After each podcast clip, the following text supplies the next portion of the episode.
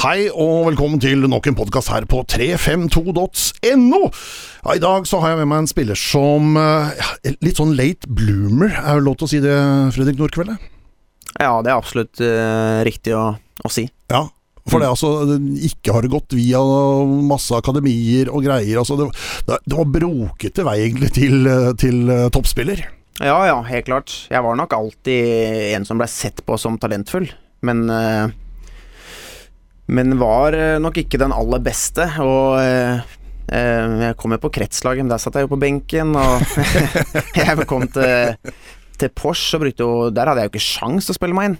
Nå var Porsche veldig gode på den tida. Med altså, Jon Erling Kleppe og Christian Knutsen og Sandro Cepinti og, en, ja, og med mange flere. Knut Helge Hagen. Altså, det var bra lag. Jeg, ikke, jeg, jeg var ikke i nærheten.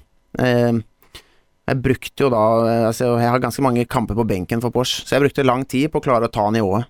Så, så ja, jeg ikke har U-landskamper, så jeg har, gått, jeg har gått den lange veien, egentlig. Ja, du har det. Mm. Eh, og så må jeg si det, jeg har lyst til å skryte litt av deg, for at i år så har det vært en ganske tung sesong for deg.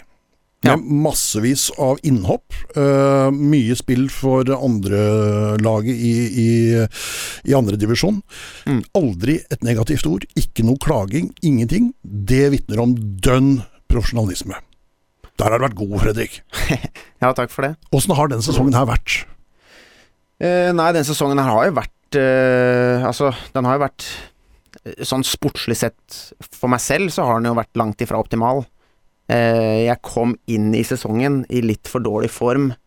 Eh, på grunn av litt skader i oppkjøringa i koronatida og som gjorde at jeg ikke var helt der jeg skulle være. Eh, når jeg da ble bytta ut den tredje kampen hjemme mot Vålerenga, og, det var 1-1, og så eksploderte laget, og vi vant, og de har ikke sett seg tilbake, så har det på en måte vært at jeg er blitt en spiller som Jeg har vel bare starta fire kamper i år, tror jeg. Um, så det har vært tungt, for jeg har egentlig følt meg I store deler av året så har jeg egentlig følt meg veldig bra form. Um, så jeg har liksom hele tida tenkt at Nå hadde jeg en veldig god sesong i fjor, og jeg har ikke sett noen grunn til at det skulle vært noe dårligere i år, men så er det også sånn at uh, når du er ung, så kjemper du for å ta plassen til de gamle, og så en dag så blir du på en måte gammel selv, og de, de unge jager på og blir bedre hvert år. og og, og, i år så har de på en måte klart å, å ta den plassen, da. Eh, mens, mens, jeg har gjort alt jeg kan, jeg, for å, for å spille, for det har jeg vært veldig motivert til. Men jeg har fått uh, selvfølgelig altfor lite spilletid, syns jeg selv, og, og sånn. Men, jeg, men, men, det er jo ikke noe som er en personlig greie, og derfor så Jeg forholder meg jo veldig profesjonelt til kontrakten, og, og, gjør jo bare så godt jeg kan. Og bidrar så godt jeg kan. Uh, men skulle selvfølgelig gjerne spilt mye mer. Jeg har fått et, et, et, spørsmål fra Stian Johansen på, på Twitter, som, som, rett og slett lurer på hva har du prata med Odd om? Altså, uh, Prater du med Nordnes nå om din situasjon? Uh, ja, jeg har hatt litt prat med Nordnes. Uh, ikke så mye. og det er vel litt forskjell om du skulle vært en ung spiller som er veldig usikker på hvor du står, eller en, en eldre spiller sånn som meg jeg vet hvor jeg står, og vet om Vet på en måte hva kvalitetene mine er, og så har det vært Vi har også forandra spillestilen litt i år. Vi har hatt uh, litt mer posisjonsbytter, litt lavere indreløpere. Uh, hvor de spillerne som er blitt brukt, har uh, vært gode. Jeg, vært, jeg er litt mer sånn indreløper som er mer boks til boks, mer framoverretta. Litt annen type. Rom to er jo ditt rom. Det er mitt rom. Ja.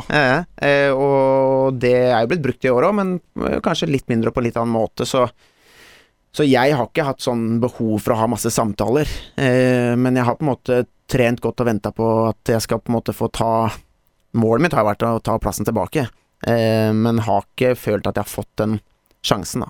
Mm. Og så er det altså øh, I aviser og sånne ting så blir det alltid litt prat om disse som er øh, nærmer seg kontraktslutt, og du er jo der. Du har seks uker igjen av kontrakten din, ja. uh, og de seks ukene kommer til å gå fort også, for det er mye kamper. Mm. Uh, og det pleier alltid å være mye skriveri rundt nye kontrakter og sånt. Det har ikke vært et ord om Fredrik Lund Nordkvelde. Betyr det at du kommer til å legge opp nå, Fredrik? ja, altså Jeg har aldri vært redd for å å tenke på den tida etter fotballen. Sånn at uh, den sportslige situasjonen som har vært i år, det er ikke en situasjon som motiverer nok uh, neste år. Fordi at da reiser du med A-laget og får på en måte knapt spille, og så skal du i tillegg kanskje reise med B-laget og spille, og det, det tar mye tid. Og det er Med liksom, to unger hjemme. med to unger og, og bikkje og full pakke, og liksom Når du bestandig har på en måte vært i elveren, så selv om man bidrar og, og gjør så godt man kan på B-laget også, med tanke på de yngre og så videre, og, og så er det først og fremst deres arena, eh, ikke min, sånn jeg ser på det selv. Og, og eh, jeg gidder jo ikke å flytte. Jeg er etablert her i Grenland. Jeg, gidder, jeg kommer ikke til å ta med familien og flytte. Og jeg tror ikke jeg kommer til å gidde å pendle langt heller. Altså, det høres feil ut ikke gidde, det er feil, men det Da, så, så Jeg vet ikke sikkert om jeg legger opp neste år, men jeg har sagt til klubben at uh, At jeg må egentlig bare se når sesongen er ferdig, så må jeg se hva er situasjonen. Og så får jeg sammen med fruen og, og sånn finne ut av Ja, øh, det kan jo godt hende at det blir et år til, hva vet jeg. Uh, og det kan være at det blir i Odd, eller det kan hende at det ikke blir. Mm. Ja, hvor, hvor ser du nå, hvor er din arena? Uh, du sier du gidder ikke å pendle, og ikke pendle langt. Da er det ikke så mye å velge i. Nei. Det er Sandefjord, da. Uh, ja, Sandefjord. Uh, det har litt med at du Du er borte alle helger, og, og hvis du i tillegg skal være borte veldig mange timer hver hverdag, så, så blir det litt sånn om, om det er verdt det, på en måte. Ha familie og, og ting og tang òg. Det, det kommer uansett en dag etter fotballen. Om den kommer eh, 1.1.2021 eller 1.1.2022 eller Ikke sant. Det eh, det er jo nærme uansett. Jeg er blitt 35 år. Eh, Jeg er kommet til en, et, eh, ikke sant, i en alder hvor det, det stopper seg selv snart. Så um, akkurat hva som skjer, det vet jeg ikke. Men, um, men det, jeg utelukker ikke at, at, det, at jeg ikke fortsetter heller. Hva, hva tror du prosentsjansen er for at du spiller i Odd neste år her nå? Eh, nei, at jeg spiller i Odd eh, neste år nå, det, den er jo ikke veldig stor, fordi at eh, eh, Ja, på grunn av den sportslige situasjonen. Altså, Odd er en kjempefin klubb, og jeg trives kjempegodt med alle lagkameratene mine, og jeg syns det er veldig gøy å gå på jobb og alt det der, men du er jo en fotballspiller, og du ønsker å spille fotballkamper. og Det er det som driver deg, ikke sant. Nå har jeg, nå har jeg på en måte vært på den største scenen i Norge i mange år. Det er der jeg ønsker å være.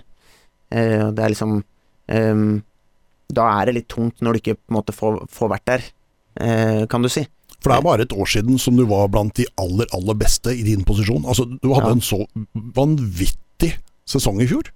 Ja, det gikk kjempebra i fjor, og jeg følte meg veldig bra. Jeg had, har jo hatt har jo hatt øh, veldig mange gode sesonger i Odd, egentlig. Kom tilbake og fikk en kneskade umiddelbart, og brukte tid på å komme tilbake etter den. Og så gikk det veldig bra, og så fikk jeg akillesproblemer. Som jeg var veldig prega i 17 og 18. Og, de skade, og da, til oppkjøringa til 2019, så var jeg jo avskrevet av alle. Du skulle være venstrebekk. Altså, Ja, backup jeg- for, for Birk Risa. og Espen Ruud. Da Ja. var jeg backup og back. og da var jo veien lang, eh, kan du si. Men, men jeg har jo bestandig hatt en sånn mentalitet at jeg gidder ikke å så- å sutre og legge meg ned. Eh, og det er også derfor jeg eh, mener selv at jeg har blitt profesjonell til slutt. Mm. For dette her er noe som Det er på en måte en ting som har vært hele veien. Når jeg satt på benken i Porsche, så, så drev jeg heller ikke og sutra og Fikk jeg ikke spille Fikk jeg ikke spille en kamp, så dro jeg ut og løp når jeg kom hjem. Altså så, så da oppkjøringen til 2019, så var jeg jo på en måte helt i fryseboksen. Men jeg fikk jo lov til å spille i treningskamper og sånn, men eh, fikk jo vist at jeg var i bra form. Så gjorde kommer denne brannkampen med en gang. Hvor du er altså så god som det går an å være. Det Ja. må være en deilig revansj. Ja, superdeilig revansj. Da var jeg avskrevet, eh, altså. Eh, av de fleste utenfor Odd, og også i Odd, egentlig. Eh, men eh, klarte å slå tilbake, det var jo kjempedeilig. Første seriekamp. Ja, ja, ja. Nei, det var kjempe, kjempemoro. Har du løpt lenger i en kamp enn du gjorde i faktisk den kampen der? Nei, det spørs. Eh, da var det flere ting. Da var det at jeg var i bra form, og det var at, at jeg starta eh, og slo tilbake, og vi vant, og liksom det var, var mange ting som spilte inn som gjorde at jeg hadde mye energi i den kampen. Jeg husker altså som det skulle vært i går. Altså, da, da drar du altså et 90-metersløp i det 93. minutt, liksom, i, eh, mot Brann der. sånn. Altså, Ja. det, det var helt enormt å se på. altså. Ja, ja. Nei, kult det. Kult Helt sjukt. kult at du la merke til det. Jeg gjorde det. Det var helt, helt ellevilt. Ja. Eh, men er det Altså, når skjønte du For det er bare sånn som kommer sigende. Vet du, når skjønte du at det er jeg som faktisk begynner å bli den gamle på laget nå? Ja, det er også en eh, rar følelse, for at eh, du føler deg jo egentlig Selv om du forandrer litt som person, så føler du ikke, du føler deg jo ikke så mye eldre i nøtta, selv om du er eh, 34 år, 35 år. Men eh, du ser jo rundt deg, da, at eh, det er jo mange 17-18-åringer og 19-åringer. det henger jo ikke med på alt eh, utenom eh, fotballen, liksom. Sånn at, eh, men det er liksom fra lag til lag òg. Den gangen jeg kom til Odd, så var vi en del eldre. Og så har det skiftet blitt over til at vi er mange yngre nå. Samme var det når jeg kom til Godset en gang i tida, så var vi eh, mange eldre. Jeg var en av de yngste som kom, og som var der. Og så, når jeg dro, så var jeg jo en av de eldste, i en alder av 26. Så, Mm. så det der er en sånn følelse. Men ja, jeg vet ikke, når du begynner å kjenne på det. Jeg spøker mest med det. Eh, liksom at eh, når folk ikke klarer å løpe fra meg, eller eh, ikke tar meg i styrke, så, så spøker jeg med Det Det er- kommer ikke til å skje, Fredrik. nå er det på tide at dere tar gammelen snart, liksom. Så jeg liker best å spøke med det, og har ikke noe problem med at jeg er blitt en, eh, en Ja, av det, de det, det kommer jo ikke til å skje. Det er ingen som kommer til å løpe fra deg noen gang. Og det er ingen som tar deg på styrkerommet. For det er Nei. de historiene som jeg får flest av, Ja. uh, hvor du herjer på det styrkerommet. ja da, der har jeg min forse. Så, det, så, det, det må jeg, så der må jeg sette unggutta på plass noen ganger. Ja. Mm. Ja, det er godt. Uh, så, så er det da altså uh, litt hyggelig å høre da, at dere gamlegutta, hvis det er lov å si det, du, uh, Steffen Hagen og Espen Ruud, tar faktisk litt ansvar også ved å være de gamlegutta. Jeg hørte Steffen Hagen sist fortelle at uh, dere hadde faktisk prata om det, og at dere må gå foran når Nordnes tar over. Ja, det stemmer det. Fortell. Ja, nei, det var jo at uh, da var det et skifte, og at uh, At vi følte at vi fikk uh, På grunn av alderen vår og erfaringa vår, så følte vi at vi fikk også et større ansvar. Ikke at eh, Nordnes påla oss det, men eh, vi, vi følte det selv, og eh, Lederstilen til Nordnes er jo også eh, de, de har litt ulik lederstil, Dag Eilev og Nordnes. Litt forskjellige personer også. Litt forskjellige personer. Ja. Sånn at det, det var mer Det åpna mer opp for at vi som faktisk har mye erfaring og er eldre, kunne på en måte bruke det mer på feltet og inn mot kamp og i garderoba. Um, så det blei en uh, naturlig ting å gjøre. Så det var en, en gang eh, jeg husker vi satt Eller var det i styrkerommet og vi Ja, vi prata litt om det. Eh, og det tror jeg har vært eh, bra greie. Og, og så er det en veldig fin gruppe. Og selv om jeg på en måte har um, sittet mest benk i år, så har det ikke vært sånn at jeg har mista respekten fra, fra yngre eller andre i garderoba for det. Det er en veldig fin gjeng. Alle vil hverandre vel. Uh, og ja, så det er, det, er, det er en, rett og slett bare en veldig morsom gruppe å være del av. Så, så alt det rundt fotballen har, eh, akkurat rundt uten å spille tid, har vært veldig bra. minner meg egentlig, eh, uten at jeg har tenkt over det før akkurat nå, eh, om den gruppa som er i Odd nå. Minner meg egentlig litt om den gruppa som du var med i i Godset. Hvor det var bare masse unge lovende som kom opp samtidig, og som, Ja. som slo, slo gjennom samtidig nesten også. Mm. Det er litt likhetstrekk, faktisk. Ja, på mange måter. Um, du kan si at Strømsgods og Odd er veldig eh, nære hverandre sånn klubbmessig. Eh, samme størrelse, på en måte. Eh, sånn at um, Som sagt, når jeg kom til Godset, så var jeg en av de yngste i en alder av 21. Da var det da Dag Eilev hadde satsa på mye rutiner for å rykke opp, og, og hadde et rutinert lag.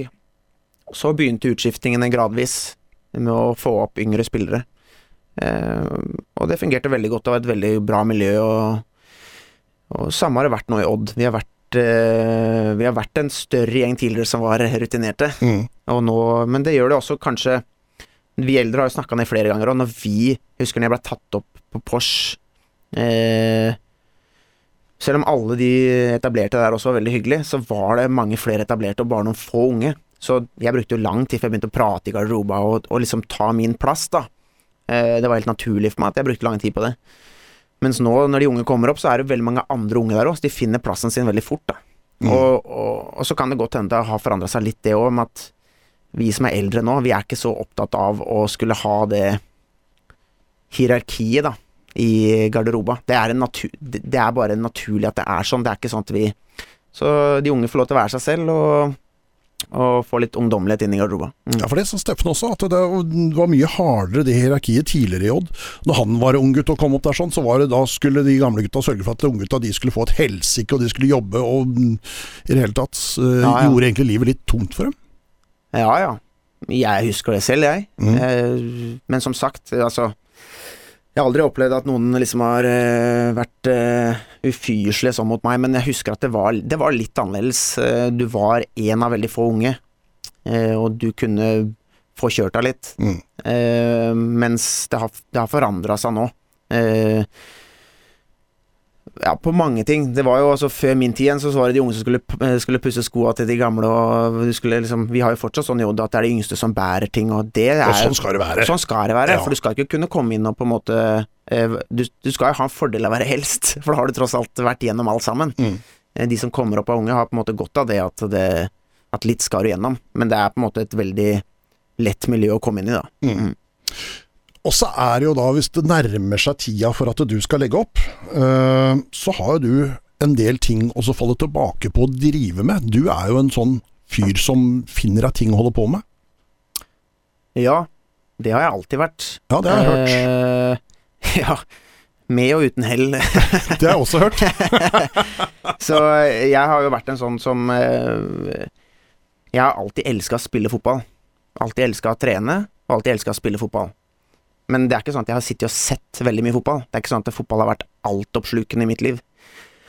Så på fritiden så har jeg alltid likt å gjøre andre ting. Eh, så jeg har gjort eh, mye sånn forskjellige ting opp igjennom. Altså, jeg og en kamerat, vi importerte jo to japanske biler når vi var 18 år, var det vel. To Mazda RX7, og de skulle få da registrert og selge med gevinst og de kom jo da i container, og den ene så ikke ut, så der var det jo tapsprosjekt allerede. Og den, eh, den andre sleit vi så med å få godkjent, at det var jo det går rykter om noe høyrestyrt bil også? Ja, den var høyrestyrt. Og det var, høyrestyrt. Ja, ja. Altså det, var, det, der var tungt, og da hadde jeg tatt lån for å få de bilene, eller, og, og bare håpa at noen skulle kjøpe den bilen. Og det ordna seg til slutt. Jeg gikk litt i minus, men Og vi har, jeg importerte noe sånn USB-dingser og noen ja, kaffevarmere. Bordvifter, kaffevarmere og, ja. og leselys her, ja. Ministøvsuger. Ja. ja, det var tidlig ute med det, og jeg brant vel inne med flere tusen sånne USB-dingser til slutt. Ja, hvem er det som måtte selge dette for deg? Nei, nå skjønner jeg, du har sikkert prata med Ja, er det mora mi du har prata med, eller? Hvem er det som måtte selge det for deg? Nei, Hun var i hvert fall med på det. Hun tok initiativ og solgte på jobben. Og, ja Så det ordna seg til slutt. Jeg gikk, vel, jeg gikk vel i null til slutt, men det blei ikke noe ut av det. Uh, Hvor havna resten av partiet? For alt ble jo ikke borte her. Nei, det lå i kjelleren i flere år, og så er det vel sikkert havna På Pasadalen. Det er nok det. ja, det havna på Pasadalen. Ja, det. Ja, så det var ikke noe big business? Nei, det var ikke noe big business. Men, men det var jo liksom litt sånn starten på på en måte å prøve å tenke Det er litt entreprenørskap, da? Ja, på ett vis så er det jo liksom at du det er jo sånn at jeg alltid syns det har vært eh, gøy, og jeg er sånn som lett blir med og syns det er morsomt å prøve, og så har jeg da har jeg kunnet lene meg litt mot han kameraten min som på en måte har vært litt dyktigere enn meg, da, sånn faglig og teknisk og sånn. Eh, vi har forskjellige styrker og svakheter, men han har liksom vært en sånn som har vært eh, lett å, å bli med da, og lene seg mot. Da. Så jeg har fått mye god hjelp. Mm. Og nå eiendomsbaron. Ja, det er vel å, å dra på, men ja. Jeg, har, jeg, interesserer meg litt for eiendom. Ja. Det gjør jeg. Eh, med og uten hell der òg, har vi lest i avisa? Ja, dessverre. Det er jo en veldig kjip sak, egentlig. Og ja, jeg kan jo fortelle den veldig kort. Det var jo bare at jeg, jeg, eh, jeg kjøpte et bygg i Porsgrunn i 2014. Eh, et hus eh, med løpende leiekontrakter og Oppe i Hardangergata. Oppe i Hardangergata, helt korrekt. Og og ja, kjøpte det. Kontrakten er grei, skjøte, står at det er bolig. Alt jeg får av kommunale avgifter er eh, eiendomsskatten er til bolig. Altså ingenting som gjør at jeg skal tenke noe annet enn at det er en bolig. Um, så får jeg da et eh, brev i ja, om det var 2018 eller 2019, husker ikke på at det skulle være branntilsyn. Og det sier jeg selvfølgelig ja til. Jeg er opptatt av at det skal være ordentlig der og Hel ved. At det skal være hel ved, liksom. At, at, ting skal være på stell. Og da får jeg jo beskjed at eh, på en måte, det var bare noe småtteri, at det, alt var liksom greit, men det sto registrert som kontor. Og da skjønte jeg selvfølgelig ikke så mye av det, for det, det er lett å si at det er ikke kontor, og det, og det er jo egentlig bare et eldre bolig, et hus. Så eh, og spurte da selvfølgelig hva jeg må gjøre. Da må du ta kontakt med kommunen, og det gjorde jeg jo selvfølgelig med en gang. Og sendte jo, prøvde å ringe de, fikk ikke tak i de, og sendte da en mail på, på ja, postliste, holdt jeg på å si, eller den og ikke, jeg hadde ikke noen erfaring på det, så det fanga avisa opp. Da skrev jeg bare som det var, at jeg har fått høre at det står registrert som eh, kontor, men at det blir brukt til bolig. Så hva skal jeg gjøre nå? Ikke, jeg hadde ikke noen erfaring på den biten her i hele tatt. Så, eh, og da starta det jo. Da starta det jo at jeg da i utgangspunktet leide ut ulovlig. Fotballproff leier ut ulovlig leilighet i Porsgrunn, sto Ja, tror jeg overskriften. Eh, Helt, helt riktig. Ja. Så det var en kjempetrasig sak, da. Og Peder ringte meg, og jeg spurte om de kunne i hvert fall vente til jeg hadde fått litt kontroll over situasjonen. Liksom hva, så for jeg visste ikke ok, hva betyr det her for meg. um, og liksom hva skjer framover. Så det visste jeg ikke noen ting om. Um, men det var en sak de følte de måtte, måtte trykke, og ja eh, Har jo egentlig fått mye sånn positive eh, støttemeldinger etter det. Det er jo en situasjon jeg havna i som er på en måte Ja, du kan godt si at jeg skulle ha fanga det opp, men ikke, ikke sto det i kontrakten. Skjøte er eh, huka på bolig. Hva skjer der nå? Nei, nå holder jeg på å på en måte skal omregulere det tilbake til bolig. Og det er ikke så lett. Eh, for at det er Da må du altså ta et gammelt bygg, et veldig gammelt bygg, og så skal du få det tilbake til bolig, så skal det stilles eh, dagens krav. Tech-10 og Tek 17 og, så videre. ja, ja. Og så skal du selvfølgelig måtte søke avvik på mye, for det går ikke an. For da, da koster det helt enorme summer. Men eh, jeg har allerede brukt veldig mye penger på det. Og syns det er en veldig kjip sak som jeg har havna i helt Som jeg føler er helt på en måte uforskyldt i. Altså um, Ja. Kort fortalt så, så er det bare en eh, kjip sak, da. Ja. Lærer man litt av dette, eller? Ja. Det Bratt- gjør man. Bratt læringskurve? Du får jo en bratt læringskurve, i hvert fall når du havner på forsida av avisene og, og blir framstilt som en eh, kjeltring. For at det her er jo ikke noe jeg har tjent noe Det her er jo ikke noe at jeg har spart noe skatt på, eller Det er bare at eh, Uvitenhet. Ja, og så har jo det huset vært eh, leid ut bestandig som bolig. Det, har, det viser seg jo da at det blei omregulert til, til kontor i 1970. men Der, da er det altså én leilighet som har blitt brukt som kontor. Resten har blitt brukt som bolig. Så det har liksom ikke vært Nei, det var bare ikke noe jeg klarte å fange opp i det hele tatt, da. Eh, Jeg har jo lært meg hvilke nettsider jeg skal gå på nå for å se om det er næring eller bolig, men den gangen så så var ikke det i mine tanker i det hele tatt. Det var et, det var et hus, og og ikke sant, jeg hadde takstmann der, og forrige eier nevnte ikke på det, visste kanskje ikke om det, jeg vet ikke. Skjøter ble sendt til kartark og stempla som bolig, og altså det, det var ikke noen måte jeg følte jeg kunne fange opp det på, egentlig. Og så er det på en måte jeg som sitter som ansvarlig og må ta alle de kostnadene, og det er Svarte, Store- svarte store kalles det. Svarte Ja, store kostnader, ja. Mm. Eh, rett og slett. Mm. men dette er noe du begynte tidlig med? Litt sånn leilighetsgreier og sånt nå, allerede i godsetida?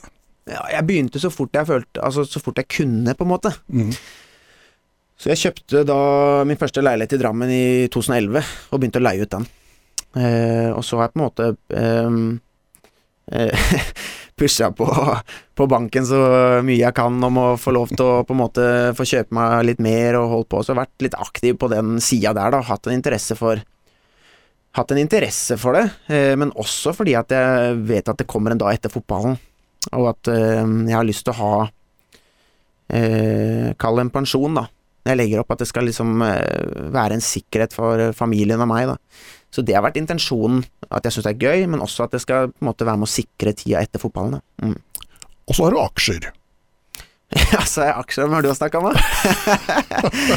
Hva er, hva er kveldegropa for noe? Ja, Kveldegropa, ja. ja. Da kjøper du Da kjøper du høyt, og så selger du lavt. så Det er big business. det er big business, ja da. Så det hjerter meg for den, da. For at jeg er jo åpen, ikke sant. Jeg er jo ikke redd for å fortelle om jeg gjør eh, blemmer, så og da kan jeg heller bruke de erfaringene til å lære bort uh, hva du ikke skal gjøre til andre. Så jeg har hatt uh, Ja, jeg syns det, det er gøy òg, da. Litt aksjer og, og ja. Og har da gjort uh, gjort noen blemmer. Ikke, altså, ikke store blemmer, men jeg har liksom bomma litt på aksjer og ja, var jeg liksom Ja, rett og slett gått i minus på en del aksjer, da. Men nå, skal, nå skal det sies da at nå er jeg pluss totalt sett, så jeg har på en måte Jeg har kommet meg opp av den kveldegropa igjen, da. Du har det? Ja da, har det. Eh, For de får jo kveldenavn alt det greiene du driver med, egentlig. Det var jo Ja, det noe som het kveldepress her, Beite, også. Ja, kveldepress. Det er blitt en sånn greie, det. Jeg vet ikke, det er bare morsomt. Kveldepress, ja. Det er når du bare presser uten å vinne ballen, det. det tror jeg var eh, Det lurer jeg på var Dag Eilif som sa en gang. Altså, jeg løper mye og løper mye press, men vant ikke ballen, liksom. Så det blei, jeg tror han i en lang sammenheng slang at det er sånn kveldepress, liksom. At han var så oppgitt over det kveldepresset da, som endte med at jeg vant ikke ballen likevel. Så, så det er kveldepress. Hvis du eh, løper alt du kan og presser så godt du kan, men du, har, du Får klarer ingenting igjen for Får ikke noe igjen for det. Da har du vært utsatt for kveldepress. Lær litt av Josh, for der er han god. Ja, der, der har jo han eh, altså Der er han jo helt enormt mye bedre enn meg. Ja, Han er Ja. bedre enn de aller fleste i Norge på akkurat det, Fredrik. Mm. Så der er han eh, Der er han fantastisk god. Der er han stor. Så vi- vi skjønner at du har mange bein å stå på. Sånn. Altså, er, er det dette som kommer til å være hverdagen din den dagen du legger opp? Eller har du noen andre planer i tillegg? For Eh. nå har du begynt å bygge leiligheter også på Borgestad, eller skal? Ja, jeg er med i et sånn nybyggprosjekt, da. mm. Som, eh, som jeg syns er spennende å være med på. Og jeg har i flere år tenkt at eh, eiendom da skal være eh, noe jeg kan falle tilbake på. Og jobba litt for at jeg skal få det volumet til at det kanskje kan eh, bli en jobb. Men så har jeg i det senere egentlig begynt å tenke på at eh, At eiendom er jo gøy, og det er ikke at jeg kommer til å slutte med det. Men hva er det jeg syns er morsomst, og hva er det på en måte som eh, Hvor er det jeg kan bidra mest? Eh, og da, da føler jeg at eh, den erfaringa du har som en eh, profesjonell idrettsutøver, den er ikke så mange som har, for nåløyet er veldig trangt. Og, og da tenker jeg at eh, eh, da er det jo og, og jeg har bestandig vært Selv om laget er veldig gøy, så har jeg vært mer opptatt av individet i laget, da. Sånn jeg har nok tenkt uh, mye på at jeg har lyst til å liksom bruke den kompetansen og erfaringa med liksom uh, ut mot ja, yngre utøvere og mennesker, da. Og hjelpe til å liksom For hvis jeg skal ta med den kompetansen min bare inn i en helt annen jobb La oss si jeg skulle blitt eh, bilselger, det er sikkert en kjempemorsom jobb. Da, jeg, da må jeg på en måte starte på nytt. Da får ikke jeg brukt all den erfaringa mi gjennom uh, så mange år eh, til det samme. Ikke, da, da blir ikke den så nyttig. Så at eh, jeg tror liksom at eh, at man kan være, være, komme inn i breddeklubber eller, eller få på en måte én-til-én-timer eller jobbe med utøvere som ønsker å bli gode. Altså jeg tenker jo Når jeg var ung En slags konsulent, eller, eller, Ja, det eller, eller som trener? Ja, det, så det kunne jo kanskje La oss si en du er, Si du eh, spillerutvikler, da, Ja. eksempelvis. Altså at du jobber mer med individet inn i laget, da. Fordi at du kan relatere til, utfordringer som eh, utøverne har. For du har stort sett vært i de samme situasjonene selv. Mm. Eh, Når jeg tenker liksom tilbake på karrieren min, så skulle jeg i løpet av karrieren øh, nok flere ganger, selv i voksen alder, hatt en å snakke med som kunne fått meg til å tenke litt annerledes i perioder. For du har jo perioder hvor du er skada, ok, du har perioder hvor du føler at du er urettferdig behandla, eh, treneren ser deg ikke, altså det er mange ting som alle spillere stort sett skal gjennom. Og, og når du er enda yngre, så er det liksom den at eh, at det kan være veldig nyttig, eh, sånn som jeg vokste opp med liksom veldig støttende foreldre, og det er det viktigste av alt. Um, og så har du da en foreldretrener eller noe som gjør så godt han kan. Og det er kjempebra, ikke sant. De er utrolig viktige. Ære være de for at de stiller opp. Ære være, ja. Ja. For at de bruker så mye tid på eh, på det. Ja. Utrolig Det står det mye respekt av. Men det blir ikke noen fotballspillere av det. Mm, Nei, de Veldig sjeldent. sjeldent. Altså, spill, du kan jo bli en god fotballspiller, altså, men hvis du kan få litt mer guiding fra du er litt yngre, så tror jeg det er veldig verdifullt. da At du kan måte, Måten du skal tenke på, ja, fotballmessig, prøve å få kanskje litt større forståelse av spillet. At du på en måte må forstå at det kommer på en måte Det går oppover og det går nedover, og, og, og liksom istedenfor du skulle sett for deg en graf da, i perioder hvor du står, føler du står stille lenge. Det gjorde jeg i flere år, følte at jeg sto stille. Um, I de periodene der, de kan du på en måte for- forkorte en del, da. Hvis du på en måte uh, får litt input av en som kanskje klarer å se problemstillingen, eller som har vært der selv. Så det syns jeg er veldig interessant, da. Å, å Har, har, du, har du begynt på noen trenerkursgreier og sånn? Har du gjort noe med dette, eller? Uh, nei, Espen og jeg, vi og Hoff, begynte jo å ta Er det trener B eller C, eller det første. Mm. Det blei stoppa da pga. koronaen. Um, så det er jo et trenerkurs for å trene lag. Jeg si Og det jeg må man jo ha i bånn for oss å kunne gå videre. Det er liksom, det er grunnmuren for uh, de som driver Du må nok sikkert det. Ja. Um, men du kan jo også være på en måte en personlig trener, eller Altså, det er mange måter å gjøre det på. Uh, men ja, jeg tror nok jeg kommer til å gå den veien der. At jeg har liksom Jeg tenker at det er utrolig gøy for det første å kunne hjelpe eh, yngre mennesker. Eh, eller de må gjerne være 25 år for min del. Altså, hvis jeg kan hjelpe dem, så er det veldig morsomt. Mm. Og hvis du på en måte Og de da til slutt kanskje til og med skulle lykkes, da, så er det veldig gøy å ha vært en del av det. For du lærer pedagogikken da, vet du, med en gang. Og det også lære bort hvordan lære best bort, og den biten der så får du på de første kursene. Ja, ikke sant? Og det er en veldig viktig del av det. Vært igjennom det. Ja, ikke sant? Ja, Ja. det er utrolig viktig, da. Så det kombinert med erfaring kan jo være på en måte en veldig fin greie, da. Mm. Mm. Når du vokser opp i Porsgrunn, på Stridsklev, hva slags gutt er du da? Eh, nei, jeg er jo en eh, veldig aktiv eh, gutt, selvfølgelig. De, det er flere som spøker med at jeg lærte å løpe før jeg lærte å gå, så jeg sprang bestandig. Var veldig eh, Veldig aktiv. Og selvfølgelig spilte masse fotball og Ja, men jeg var med på det meste, og jeg var jo hadde mye energi. Samtidig så var jeg jo litt forsiktig, og jeg var veldig på en måte pliktoppfyllende og snill og kom alltid hjem til tida og Så det var ikke noe sånn, var ikke noe sånn problemer med meg sånn sett. Nei da. Snill gutt. Ja, jeg var en snill gutt. Ja. Var det. Eh, og så tar du da altså Stridsklev, du starter som Stridsklev-spiller før Mm. du går til Eidanger. Hva, hva var greia her? Var det bedre på Eidanger, eller hvorfor går du til Eidanger?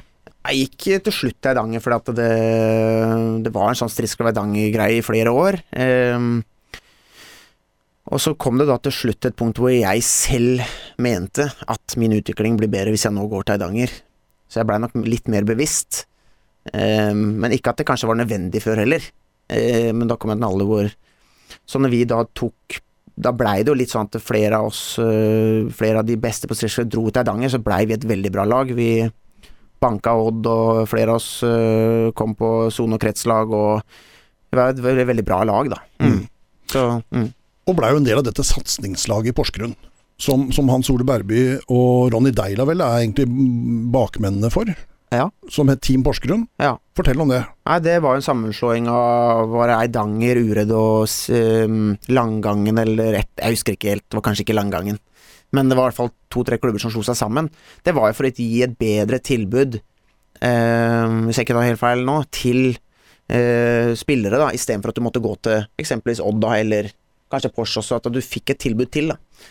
Så det stemmer, da kom jo Hans Ole inn, og det husker jeg, det ga meg veldig mye motivasjon, og da merka jeg at det var en helt annen trener med en gang, mer opptatt av detaljer, eh, og jeg lærte mye. Og han var også liksom flink til å på en måte Han snakker ganske lavt, og så var han flink til å rose når du gjorde noe bra, men han var også på en måte flink når det var litt komfortabelt å få deg til å ikke være det. Eh, Og det tror jeg også er viktig. Jeg bare, husker en sånn greie fortsatt på vi skulle stå to og to og trikse til hverandre. Og vi sto og triksa, jeg og Jeg husker ikke hvem jeg sto med, men vi liksom Vi klarte mange før ballen datt i bakken. Og du gikk liksom og venta på at nå skulle du få skryt.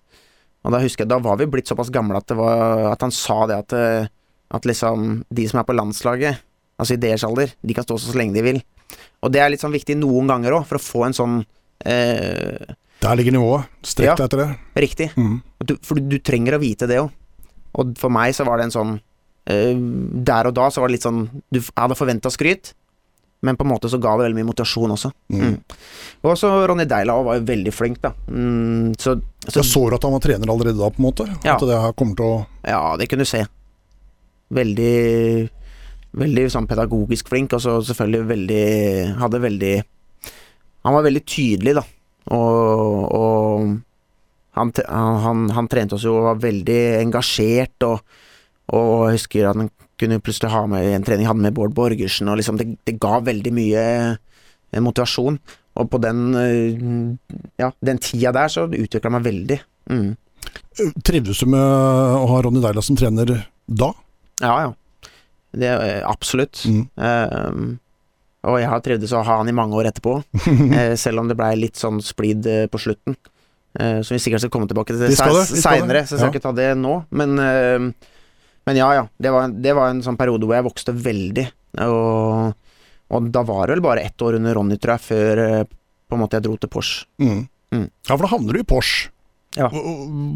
Tenkte du at det var det riktige steget å gå da? At det var det er neste steget mitt? Ja, da var det ehm, Da var det snakk om Odd juniorlag eller Porsche. Mm. Og jeg husker jeg hadde eh, snakket med Jan Halvor Halvorsen også om Notodden, men jeg husker ikke om det var akkurat da, eller om det var på en måte et år eller to. eh, Det husker jeg ikke akkurat nå. Men da blei det jo det at eh, jeg husker jeg snakka med Dag Eilif på telefon, og da, da var jeg veldig usikker på hva som var det neste steget for meg. Eh, hvor han da sa at det er mye bedre for deg hvis du kan trene med et A-lag med voksne folk hver dag, liksom. Eh, så det gjorde jeg. Da, da blei det valget tatt. Kan du forstå det han sier der? At, Ja. det er, at det er lettere å motivere seg for å spille for et A-lag? Ja. Merk, merker du det litt i hverdagen nå som du må spille på andre laget? Ja, men du kan jo si hvis du går til juniorlaget Odd, så blir jo det altså førstelaget. Men eh, da spiller du bare med jevnal- jevnaldrende. Mm. Det han mente var at hvis du kommer inn på et, et A-lag, altså med voksne mennesker, så det er en mye brattere læringskurve. Og det var òg. Jeg brukte Altså, jeg husker jeg følte meg som den dårligste i lang tid. Og jeg var stressa i possession-øvelser, og jeg var Gikk da fra å på en måte være veldig god i Team Porsgrunn til å bli veldig Altså, det er sånn jeg husker det sjøl, da. Mm. Jeg blei veldig svak, på en måte, i den stallen. Og jeg blei tatt opp med en som het Truls Isaksen, som senere ble tatt ned igjen. Og jeg følte ikke at han sto noe særlig bak meg, så det var en sånn periode hvor jeg også ja, kjente litt på det presset og var redd for at uh, At jeg på en måte skulle miste plassen min i, i, i gruppa, kan du si. Litt, men men eh, jeg trengte også å bli mer voksen. Og sånn sett i ettertid så har det vært veldig bra for meg. Absolutt. Ble det tre sesonger i Porsche, husker jeg feil da? Ja, det blei vel fire og en halv, Var faktisk. det fire? Vi rykka jo opp det første året jeg kom, Ja. altså fra andre divisjon. Ja. Um, Det var tre, tre år i, i Adecco, eller i uh, nest øverste? Det er riktig. Ja. Og da var det Det var først det siste året jeg spilte fast. Ja. Og da rykka vi jo ned. Nedrykksåret. ja, ja. Ja. Så da hadde jeg på en måte endelig klart opp og, og fått liksom blitt god nok, da. Um, Ja, for det året der sånn, så øh, var jo da For du gikk vel til som, Var det på sommeren du gikk da? Til godset? Eller var det ja, etter året etter vi rykka ned. Var året etter. Ja, riktig. Ja, ja, året etter. Det var sånn at eh, når jeg var i Porsche, så kunne ikke jeg leve av det. Nei. Eh, Noen levde av det, Men, Men- du, jobb, du jobba ved siden av? så jeg jobba 100 ved siden av. Så dagene mine i to år, sånn på generelt eh, På generell basis, var at jeg sto opp om morgenen, dro på jobb, dro rett videre på trening med Porsche. Og så, hvis jeg skulle få styrke inni, inni her òg, så måtte jeg dra og trene styrke etter treninga med Porsche. Det var den eneste måten å gjøre det på. Så tre-fire dager i uka så var det på en måte sånn jeg gjorde det. Sto opp eh, sju og liksom på en måte hjemme klokka ni, da. Eh, så det var to år med eh, Hvor jeg bygde meg opp fysisk, men følte ikke at jeg tok så mange steg fotballmessig. Og det var sikkert også fordi at det var lange dager, da. Og jeg var sliten og Men jeg, det var liksom den måten jeg måtte Det var ikke lagt til rette for at jeg skulle kunne trene styrke på formiddagen eller Hva jobba du som? Nei, det var jo først at jeg var i Altså, jeg var sivilarbeider først, ble ikke Altså istedenfor militæret. Og så var de såpass fornøyd med meg, da, for da var jeg jo på en måte en, eh, en vaktmester da på Sankthansåsen sykehjem, kan du si. Jeg, var, jeg gjorde masse forskjellig. Og var da jobba tett med eh, vaktmesteren, en som het Jan Erik, som da fikk meg også inn til å bli Så jeg ble vaktmester i Porsgrunn kommune eh, et år. Eh, så det var helt topp. Eh, kjempejobb, da. Eh, veldig fin jobb. Eh, så da, da fikk jeg en inntekt, og jeg hadde jo litt i Porsche også, men da fikk jeg på en måte nok til at jeg kunne eh, leve av det. Mm. I, I 2007 så Mm. blir altså da mm, Det går rykter om at Odd er å se litt på deg. Ja. Uh, Gaute Larsen sier ganske klart ifra. Han var altså da sidestilt hovedtrener med Arne Sandstø i 2007. Uh, sier at det er han der. Han er ikke noen eliteseriespiller. Ja, det stemmer. Eller det har jeg hørt. Ja, Det har jeg også hørt. Mm. Og så blir du henta rett til godset, og blir eh, nær sagt en suksess fra dag én. Ja, det er veldig spesielt, det der. For det første så er det sånn at man bommer jo på noen spillere. eh, så mm, det året der, da var, jeg, da var jeg blitt Da var jeg blitt 21 år. Og det her er litt sånn til yngre spillere der ute òg. Når jeg sier det, så er det litt sånn at For jeg, på samme måte som at Josh spiller fast nå, Philip Jørgensen Du kan bli ganske demotivert da, av å være like gammel og føle at du er liksom langt bak. Og du ser liksom toget går, og du står igjen på perrongen liksom og føler at det her går ikke. Det var jo sånn jeg begynte å føle litt etter hvert, jeg òg. Altså, nå hadde jeg riktignok fått en del kamper i førstedivisjon og sånn, men det var spillere som var like gamle som meg, som allerede hadde over 100 kamper i Eliteserien. Jeg så liksom at, øh, at det var tøft, da, å få til. Men så er det noe med at noen blomstrer litt seinere. Så det året, 2007, så sa jeg opp jobben. Fordi at jeg tenkte øh, altså nå skal jeg gjøre et siste forsøk, og jeg må få kunne trene og hvile mer. For at jeg fikk ikke hvile, ikke sant. Jeg jobba jo fast, og, så da trente jeg to ganger hver dag. Eh, da var det øh, noen dager med styrke, og det var noen dager jeg var på Porsche og trente på formiddagen på egen hånd. Og så med, med laget på ettermiddagen. Og så var det ikke det at jeg var så fantastisk god det året der i andredivisjon, men da dukka jeg plutselig på en måte altså, Da var Dag Eilev og Ronny Deila i Strømsgodset. Og de var litt nysgjerrig på om jeg hadde på en måte hadde klart å få litt ut av potensialet mitt. da Så de henta meg inn på prøvespill. Og um, på prøvespill så gikk det egentlig vanvittig bra. Um, jeg skulle egentlig være tre dager på prøvespill, men jeg fikk jo bare vært to dager fordi jeg måtte hjem i en begravelse. Så det var liksom på litt sånn Når jeg på en måte endelig fikk sjansen, så var det Men selvfølgelig, begravelse var utrolig viktig for meg, men da håpa jeg liksom at de skulle få se nok på to dager, da. Eh, og så blei det en sånn derre eh, Da eh, En liten stund hvor det var på en måte mye neglebiting fordi at de måtte tross alt kjøpe meg hvis de skulle ha meg. Eh, og så endte det da til slutt med at de gjorde det. Jeg husker Jostein Flo ringte meg liksom at uh, sa at nå kan du fortelle familien din at du skal flytte til Drammen, liksom. eh, så da, da, da satt jeg og så en eh, A-kamp med Uredd, faktisk, eh, når han ringte. Så da husker ikke mer av den kampen. Nei. Da var jeg fornøyd. Ehm, og dro inn og signerte kontrakt. Da skulle Strømsgodset møte Viking hjemme, eh, og signerte kontrakt. Og så etter jeg hadde signert kontrakt med Jostein, så gikk jeg bare ut på tribunen og skulle se kampen. Og så eh, kom gutta ut til oppvarming, og så ser jeg de begynner å, å spille session Og så tenkte jeg det her Nå har de på en måte kjøpt katta i sekken.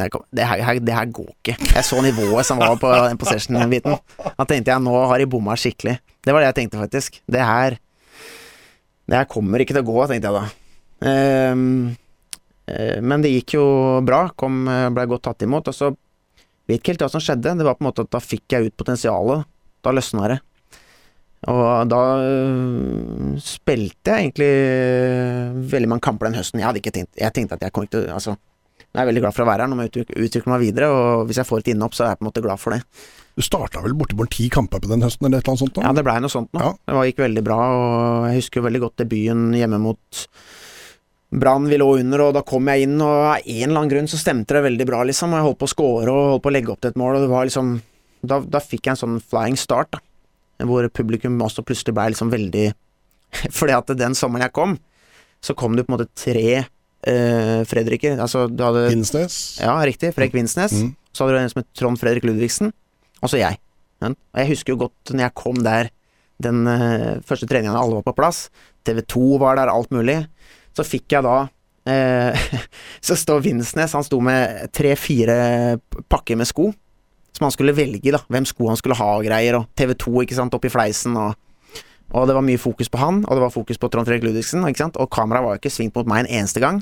Og materialforvalteren kom jo til meg med noen brukte sko fra Øyvind Leonardsen. som, var, Leo? så, ja, som var for store.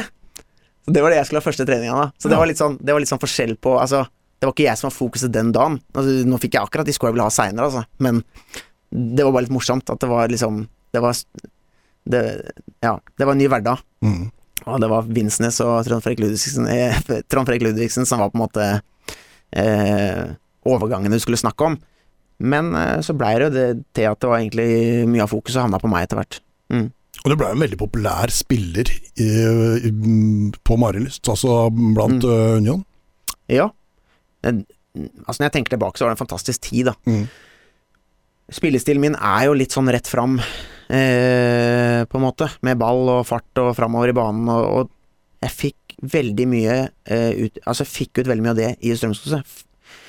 Det ene var hvordan vi spilte, men også Fredrik Vinsnes var helt rå til å på en måte vende seg press, og så dytte ballen inn i mellomrommet når jeg kom i fart. Og da fikk jeg på en måte Da blei det jo litt sånn at når jeg fikk ballen i stor fart i mellomrommet, så, så blei det litt spennende. Ehm, så ja, så jeg blei på en måte en sånn suksess, og, og blei veldig godt tatt imot da, på stadion. Mm. Ja, for, for det er alle som jeg har prata med Mm. sånn fra den tida der, sånn, har bare positivt å si om deg, liksom, fra, Ja. fra godsetida. Ja, det er veldig hyggelig, Supporter det. der og i det hele tatt. Det er liksom uh, Kveld, ja, ja, ja, ja, ja. Ja. Det er liksom Ja. på med en gang. Ja, kjempehyggelig, det. Ja. Veldig Og Altså, årets mål i 2008. Det må Ja. Det ble bare ett mål, men gud være for et mål. Ja, det var kjempemoro. Det er, var- mye, det er mye som skjer på den skåringa der, altså. Ja, og det er sånn Det nå, det var sånn endelig, liksom. Da hadde det vært Da hadde jeg spilt ganske mange kamper. Både i 2007 og 2008, og jeg har vært veldig nærme mange ganger. Og det føltes som at keeperne alltid klarte å på en måte gjøre den ene fantastiske redningen etter den andre når jeg kom til sjanser, da. Um, før det endelig blei mål, da. Uh, så den, den Det er en vill scoring. Ta oss gjennom, husker hun? Ja, jeg får eh, ballen på egen banehalvdel. Om det er fra Vincent eller jeg får. eh, Får vente på satt fart, dra meg forbi en spiller. Eh, Som prøver å holde følge med deg kjempelenge, men har ikke nubbekjangs. Selv med ball i beina. med, med ball i beina, så får jeg på en måte Det er jo litt det drivet som, eh, som jeg har hatt som en forse, og får liksom da forsert, og får da et uh, veldig ja, uh, reint treff. Så en uh, Ja, altså Er alltid ledig i vinkelen. Det er ledig i vinkelen, og uh, ja. Så og da var det eh, Jeg var veldig dårlig resten av kampen, det kan jeg si. Jeg var fryktelig dårlig resten av kampen. Fordi da var det på en måte Da var jeg ikke til stede. Da hadde du runda fotball, følte du Ja, akkurat der og da? akkurat der og da så var jeg på en måte så eh, fornøyd og letta, og at endelig, og liksom Så resten av Vi tapte 3-1, tror jeg. Og, og om jeg var skyld i ett eller to baklengs, det var helt sikkert. Men den skåringa kan ingen ta fra deg. Den blei altså Jeg må jo si det at det intervjuet eh, som ble gjort etter at du hadde fått uh, den store pokalen, eller statuen, Ja. Uh, er jo en relativt uh, ung uh, nordkvelde som ikke helt er medievant ennå. Veldig. Altså, det var noe jeg brukte lang tid på, å bli komfortabel med media. Og da husker jeg at jeg hadde fått uh, tips om at jeg kunne vinne uh, årets mål, og var da uh, satt i bilen og prøvde å tenke på ting jeg skulle si, og så videre. Og så vinner jeg jo, da, og den da hadde jeg, I tillegg så hadde jeg liksom hatt en hendelse på den gallaen der som var liksom, følte jeg selv var veldig pinlig. Madcon hadde en, altså et show altså på en sang, da. Og så er det da Tjave eller Josef eller noe som setter seg ned rett foran meg, og så strekker ut handa high five. Jeg sitter på første rad, og jeg strekker jo handa opp og skal ta high five. Så bøyer han seg forbi meg og tar high five med Daniel fordi han får den bak. så da sitter da sitter jeg bare og henger med handa i været da, på TV. Eh, og om jeg ikke var nervøs på en måte og svett fra før, så ble jeg det i hvert fall da. da. Og så vinner jeg opp på scenen, og, og da holder jeg meg til det jeg har sagt, og klarer det relativt greit. Men så blir du sendt videre til neste intervju. Han gutta på tur-fyren som sitter der og skal prate med deg. Ja, og jeg blir jo helt svett av å bare tenke på det. Eh, for at det da Da er jeg så nervøs, og ikke medievant. Og det er på direkten, og det er bare Det er så mange ting, da. Så det stokker seg jo. Altså ikke sånn helt fullstendig, men det er tydelig å se at det At jeg ikke er komfortabel. Mm. Så ja. Uh, ja, ja. Og det er sånn, du vet sånn noen situasjoner i livet hvor du tenker tilbake og, og fortsatt kjenner at du blir varm. så, så det er en sånn situasjon, da. Uff a meg, det, er, så- det er så trist, det. Ja. Og så skulle du ta high five, og så er det bak, Nei, det er ja, det var trist. Ja, det var trist. Ehm, så kommer den der litt vonde avslutninga i, i godset. Hvor Mm. det står om isfront uh, mellom Nordkveld og klubben, står det i avisene. Ja. Hva skjedde for noe? Det som skjedde, var at eh, i 2000 og eh, Jeg skrev en treårskontrakt når jeg kom. Så når det var um, under seks måneder igjen av kontrakten, så hadde jeg fortsatt ikke fått fornya kontrakt. Jeg var jo på en måte Jeg var jo lavest lønna. Jeg hadde jo fortsatt den kontrakten som jeg kom på. Og når det er under seks måneder igjen av kontrakten, så kan du begynne å snakke med andre klubber. Så de hadde på en måte ikke eh, begynt å forhandle med meg før den perioden. Sånn at eh, det er på mange måter dumt hvis du ønsker å ha med en spill, spiller videre, fordi da kommer andre klubber på banen. Og det Ikke kom, spilte du Simar mye på den tida heller? Nei, fordi eh, Ja, for det var i Var det da i 2009? Det må være ti, vel? 10, nei, 2010-sesongen så spilte jeg hele tida. Det var 2009. Det her kanskje det var ni det året. Ja, Ja. Mener jeg. Og Jeg stoler på deg. Du har ja, sånn rundt der. Spilte ikke så mye, fordi uh, da hadde jeg jo liksom uh, Jeg fant jo ut uh, at jeg hadde litt sånn type anstrengelsesastma. Altså ikke i form av at jeg ikke får puste, men jeg fikk ikke nok så oksygen fra blodet til muskulaturen. Så i den perioden så var jeg så mye jeg, jeg var så mye sliten, fikk så fort melkesyre. Så jeg klarte ikke å på en måte opprettholde det trøkket i spillet som jeg hadde hatt, og liksom det drivet og Så det var, en, sånn periode hvor folk liksom venta hele tida på at det skulle komme igjen, så kom det aldri, da. Jeg hadde ikke Jeg klarte liksom ikke å Jeg fikk kramper i hver kamp, og det bare stemte ikke, da. Um, så fikk jeg eh, på en måte medisinering, da. Altså sånn inhalator. Og da husker jeg, da var jeg hjemme på ferie. Da hadde jeg akkurat fått den. Og når jeg var hjemme, så pleide jeg å løpe Ureddløypa på Stridsskrev. Og da husker jeg bare at den jeg løpt fort mange ganger. Men da hadde jeg fått da hadde jeg gått medisin et par dager, og så bare persa jeg, ikke sant. Da, da kjente, ja, så da var det sånn Da kjente jeg ok, nå er jeg tilbake. Nå, nå var det på en måte et helt annet gir i kroppen. Fordi at da på en måte fikk jeg Fikk jeg på en måte nok oksygen, da. For det er jo sånn at du kan ikke få, du kan ikke få mer oksygen enn det du klarer. Men hvis du har et slags sånn litt eh, problemer med brunker og liksom mm, slim og ting og tang, så får du på en måte ikke nok, da. Så, så derfor så var jeg ute av lag for Men når jeg fikk den medis eh, medisinen og kom tilbake etter ferien, så var det jo bånn gass igjen, og begynte å spille. Og spilte meg inn. Eh, og så blei det da kontraktsforhandlinger med Godset. Og det kom Det var faktisk syv, syv andre klubber på banen.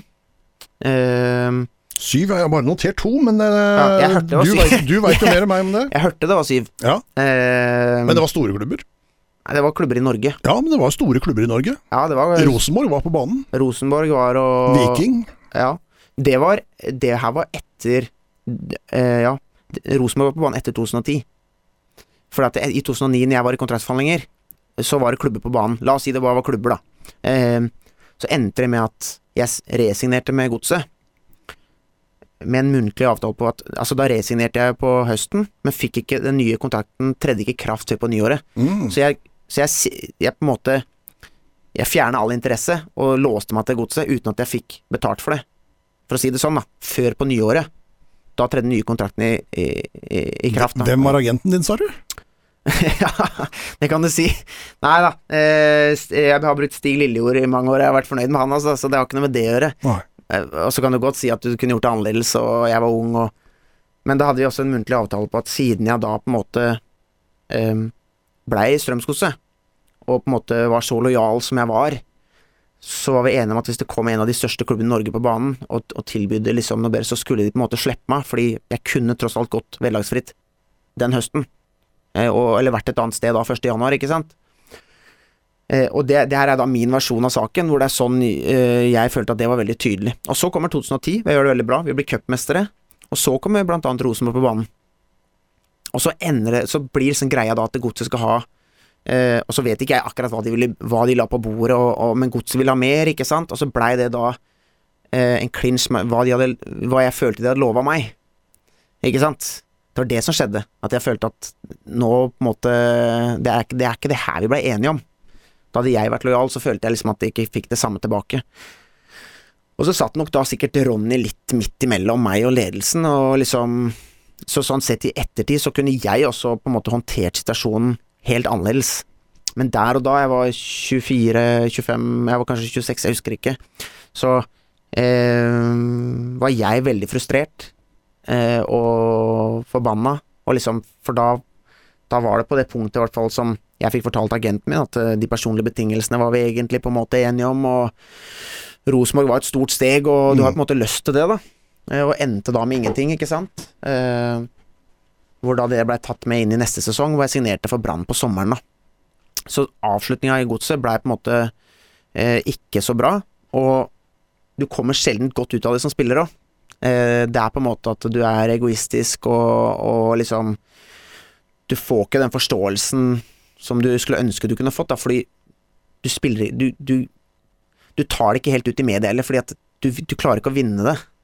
Eh, du taper bare på det. Mm. Så det var situasjonen. Eh, og, og derfor så havna jo også Ronny og jeg litt i clinch på den tida der. ikke sant? hvor det var mye fram og tilbake og mange ting. Jeg trenger ikke å ta alt om det, men han satt på den ene sida av bordet på en måte òg, og prøvde å få meg til å skri skrive ny kontrakt.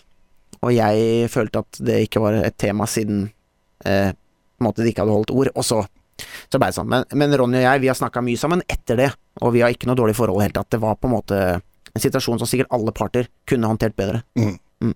Så alle tapte egentlig litt på det. Ja, eh, helt sikkert. Mm. Mm.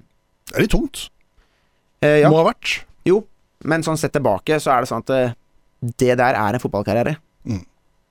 Og det er også noe du kan lære deg allerede som ung, at eh, det vil komme perioder hvor det, hvor det kommer skuffelser, og hvor du føler på mange ting. Men fikk med deg cupmesterskap. Fikk Må være relativt eh, ålreit. Kjempegøy. Og så førte det også til noen eh, hyggelige kamper i Europa, mot bl.a. Atletico Madrid, som har vært eh, relativt eh, gøy å være med på. Ja, veldig moro. Det var jo på en måte da mitt første europaeventyr, og det var skikkelig kult. Um, vi gjorde det egentlig bra. Vi tapte 2-1 der nede. Jeg hadde en målgivende Hvis jeg ikke husker feil, altså når jeg liksom husker mitt eget hode, så hadde jeg også eh, fikk ballen på egen, bane, eh, egen banehalvdel cirka, og, og satte fart da, og kjørte forbi. Jeg husker ikke hvem jeg dro forbi, og kom liksom Jeg så til høyre, og Jo Inge Berger lå på sida mi, liksom, og, og jeg forserte nedover. Og når jeg kom da til, til liksom eh, ned mot eh, 16-meteren og slo inn på, på en måte på blank kasse, sånn jeg husker det, da. Sikkert ikke helt riktig. Så hadde jo Jo Inge Berge ramla ti meter bak deg og lå med krampe. så, eh, men det var uansett en veldig morsom kamp, da. Mm. Eh, eh, så ja, det var første opplevelsen i Europa. Men branntida, altså du sier selv du går til Brann, det må være en litt frustrerende periode. Altså Du går til en av de største klubba i Norge, for det er ikke noe tvil om at det er, eh, med enormt trøkk rundt seg. Mm. Hvordan opplevdes den perioden? Nei, det var jo en periode som ikke blei sånn som jeg hadde håpa i det hele tatt. Ehm, Jeg begynte å trene meg opp i sesongen 2011. Altså jeg begynte å legge på masse styrke og ekstra løpetrening, fordi at jeg tenkte at når jeg kommer til Brann, så skal jeg bare slå skikkelig tilbake. Ehm, og fortsatte det kjøret i oppkjøringa eh, 2012. Mm. Ehm, og jeg har jo aldri vært så sterk. Jeg var kjempesterk, liksom. Det var ikke lite kilo og pusha på beinpressen og Men jeg tenkte jo ikke på at eh, du kan bli overtrent. Så jeg gikk altså inn i overtrening uten å på en måte skjønne det sjøl. Og plutselig så sto jeg på feltet med Ikke klarte jeg å treffe på langpasningene, for de ble enten for korte eller for lange, og, og to minutter ut i økta så hadde jeg bare lyst til å sette meg ned, for jeg var helt full av melkesyre, og kroppen var ikke på laget lage hele tatt, da. Eh, Så jeg presterte jo på mange måter å bare ødelegge helt for meg selv. Mm. Altså du kan si at jeg kom til en klubb og hadde mye tillit da i starten, men, men jeg fikk jo ikke ut noe særlig, fordi at eh, kroppen var bare veldig tung. Um, så, så det er på en måte min egen feil. Uh, det er ikke så lett å fange opp heller, en spiller som trener mye på egen hånd uh, hjemme, når du ikke er på stadion. Så uh, hadde jeg kanskje snakka mer med den fysiske treneren, eller eh, så kunne jeg kanskje blitt stoppa. Hvordan kom man seg ut av det? Nei, altså du, du kommer ut av det over tid. Eh, så er det sånn at eh, vi var i sesong, og det er ikke sant jeg bare kunne ta tre måneder hjemme på sofaen. Så eh, jeg måtte bare redusere mengden, trene med A-laget, og være dårlig. Rett og slett. Og så, eh, sakte, men sikkert, så begynte kroppen å komme seg. Og så fikk jeg da liksom perioder i Brann hvor jeg fikk vist, eh, vist fram eh, på en måte nivået, men også eh, perioder hvor jeg ikke fikk det fram i hele tatt. Jeg spilte jo mest sentral i en 4-4-2, og også kant, da. Og det er jo egentlig ikke roller som er eh, den, de beste rollene for meg. Så det var flere ting som gjorde det, men først og fremst meg selv som eh, Men du visste jo det at du gikk til en 4-4-2-klubb. Ja, men de spilte ikke De spilte med en hengespiss Ja. eh, når jeg signerte. Eh, og jeg skulle ha den hengespissrollen. Og jeg hadde spilt en del hengespiss i Strømsgodset, fordi der snudde vi på en måte treeren på midten. Istedenfor en sentral og to underløpere, så hadde vi litt to sentrale og en hengespiss, at jeg opererte fritt i mellomrommet. Og det var den rollen jeg skulle ha i Brann. Men når du på en måte ikke klarer å gjøre noe kreativt med ballen da, når du får den, fordi at eh, det bare fungerer ikke i det hele tatt, så er det ikke så lenge du har den rollen. Uh, og det Det, det blei situasjonen i Brann. Så um, ja, først og fremst så var det at jeg ødela litt for meg selv der, altså. Mm. Eh, det blei jo relativt kort opphold i Brann. Mm. Mm, Var det no-brainer å komme hjem til Skien? Det var ikke no-brainer, fordi at eh, det var liksom Når Odd kom på banen da halvannet år etterpå, så eh, visste jeg hva jeg kunne gå til. Og jeg visste jeg kunne bli indreløper igjen, og visste at det Altså, jeg tenkte i mitt hode at det kom til å gå bra. Eh, men jeg hadde også eh, veldig lyst jeg hadde, jeg hadde ikke fått fram i Bergen og Brann eh, på en måte nivået mitt, da. Så det var vanskelig for meg faktisk å på en måte ta den avgjørelsen på at eh, Men jeg snakka jo med Rune Skarsfjord, altså treneren i Brann, og han sa vel egentlig at, eh, at jeg burde reise. Eh, og jeg, situasjonen min i Brann var jo det at jeg var mye ute inn på laget, og så, så da det det Men det valget ble tatt på kort tid, for at det, eh, Odd kom litt Altså, det var ikke lenge til vinduet stengte. Nei, Var det ikke kvarter bare, eller noe sånt da? Når det endelig løste seg? Ja, det var helt kaos, fordi Stig, da, agenten min, han var på hytta eller noe. Og dårlig printer og nettforbindelse og Og jeg husker ikke alt som skjedde, og det var så mye kaos. Jeg måtte ned på Brann stadion på kvelden. Eh, det gikk fort i svingene, liksom. Fra på en måte det blei interesse til det blei overgang. Og jeg tror vi landa det Jeg tror det ble godkjent Altså, det er snakk om bare to-tre minutter på, på, på tolv, altså. Så det Mm. var sånn helt på håret. Eh, så da tror jeg Morten Rønningen var ganske rød i toppen. Jeg tror han sprang mye for å få det til. Med Dag Eilev, som eh, kjefta og bærte seg, tenker jeg. Så, men det ordna seg. Mm. Det gjorde det. Mm. Eh, det har jo blitt eh, altså et kjærlighetsforhold mellom deg og Odd Sportklubb som har vart ganske lenge. Mm. Dette eh, vanvittige 2015-året, har det noen gang vært bedre enn det var akkurat det året der? Nei, det har jeg nok sikkert ikke vært. Um... Da, da virka det som du lykkes med alt det året der sånn. ja, ja, hadde et veldig godt år. Ja. Og vi var et veldig bra lag. Hat tricket mot Lillestrøm eh, i siste kampen. Ja. Eh, og, og fortsetter i 2016. De skårer første kampen eh, rett Ja. etterpå. Altså, det var, alt går på skinner. Dortmund, altså det, alt er på stell. Ja, det var en veldig bra, bra tid. 2014 kom jeg liksom tilbake fra kneskaden og fikk vært med på høsten, kan du si. Og så tok jeg det med meg inn i, i 2015 og hadde en veldig god sesong. Kroppen fungerte fint. Uh, vi spilte bra fotball. Det er vel det året vi har tatt mest poeng, hvis jeg ikke tar feil. Altså 56 poeng eller noe, og havna på fjerdeplass. Så det var en veldig spesiell sesong. Mm. Eh, spilte veldig god fotball, og ja, eh, gikk veldig bra for min egen del også. Så det var jo litt av et år. Eh. Ja, det må det ha vært. Eh, vi kan jo ikke prate med deg uten å prate om denne vidunderlige Dortmund-kampen. Nei. Og Hvordan var det å være ute på der?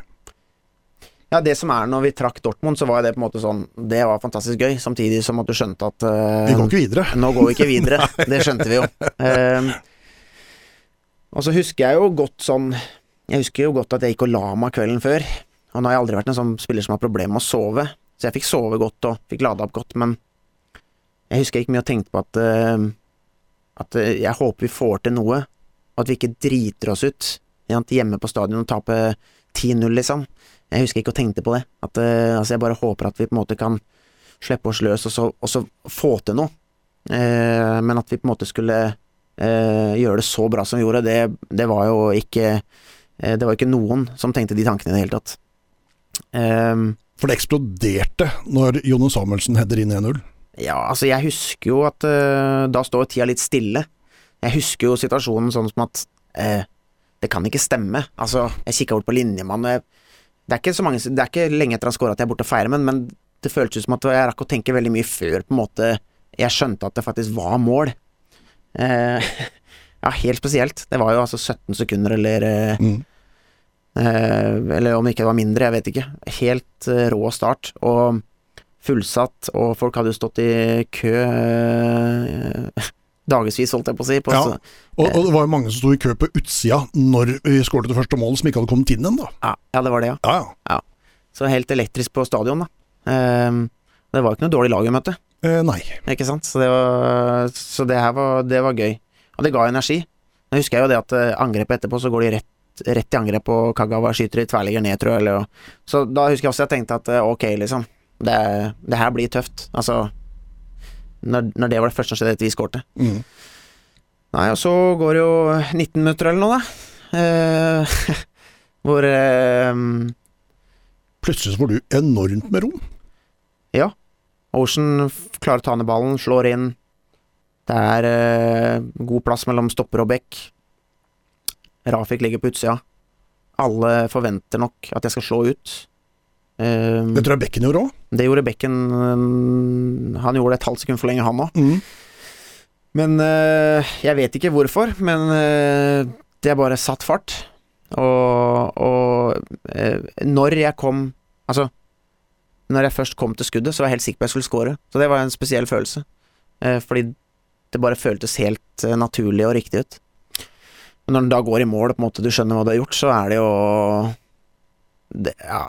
Det er en følelse som er egentlig helt Altså, for en fotballspiller fra på en måte fra Norge, og du har drømt om du skal kunne Drømmen er at du skal kunne leve av fotball og spille eliteseriefotball, og, og Jeg har liksom ikke hatt de mest hårete måla. Så var det på en måte Jeg var jo blitt 30 år, på en måte, og det var bare helt utrolig gøy å oppleve. Da. Rett og slett. Det var helt sånn enormt å oppleve.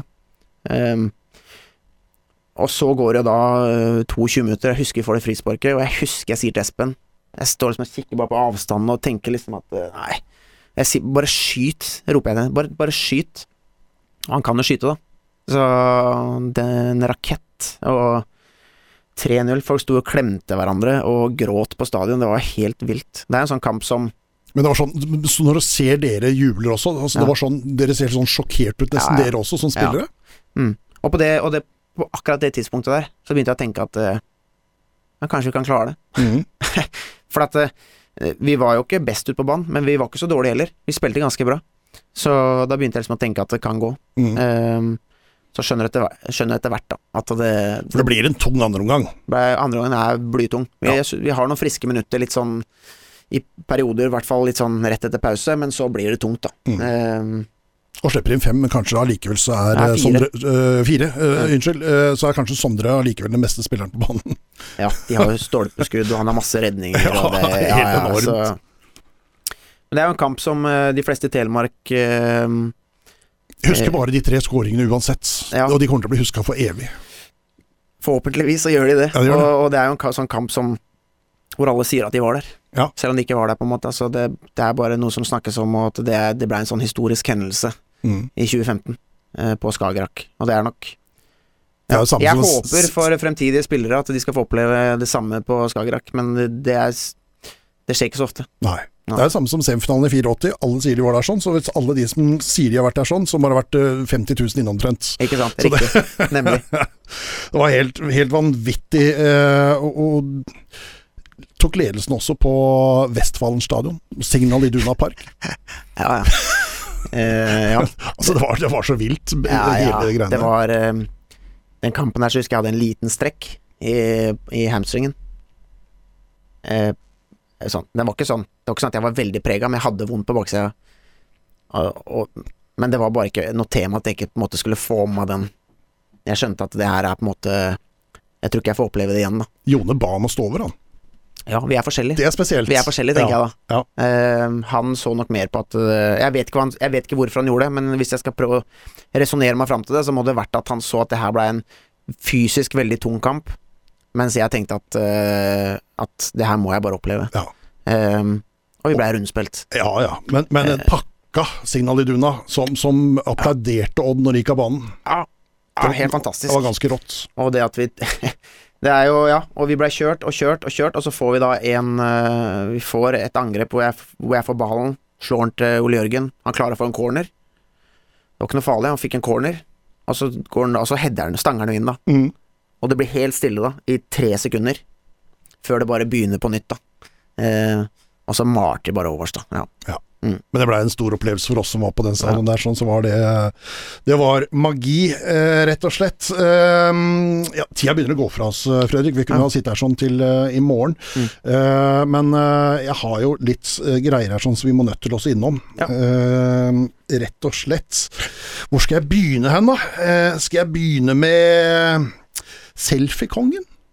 er det noen som har kalt det? Selfiekongen! Ja. Eh, tidligere lagkamerat som har eh, sagt at det er ingen som tar flere selfier enn eh, Fredrik Nordkvelde. Nei, da tror jeg at han har eh, tulla med det. Ok? Jeg kan ikke skjønne at det stemmer. Nei. Eh, men eh, for all del. Du vil kanskje ikke si hvem som har sagt det? Nei, jeg har jo lova det at jeg ikke skal Ja. å fortelle hvem som har sagt eh, hva overalt, men uh, Men Så det stemmer ikke. Ok, sjekk. Da tar vi vekk den. Det er Ja. ikke det vi skal skrive noe mer om. For det var noe greier med Instagram og hele tida skulle legge ut der og noe greier. Var det som var ja, sånn, ja. Jeg har vel sikkert hatt perioder hvor jeg har eh, vært litt aktiv på storyen i forhold til ja, kvelderegler og forskjellige ting og tang. Men Mm. ikke, jeg, jeg vil ikke si at jeg har vært eh, Jeg har ikke vært veldig aktiv, og jeg har ikke vært veldig opptatt av selfier. Ikke som, ikke som jeg selv mener, da, men det kan jo godt hende at, eh, Ja. at andre har et annet inntrykk. Ja. Ok, ja, men det er greit. Da, da, da legger vi den død. Ja. Eh, og så var det da USB-dingser, det har vi vært igjennom. Sportsspill har vi vært igjennom. Eh, og så er eh, Ja, den her er jo litt eh, det, har vært, det har vært mye hår. Det Ja. har vært mange sveiser opp igjennom. Ja. Eh, og en, en legendarisk en var jo da den tre millimeter over hele huet og kjempelang pannelugg.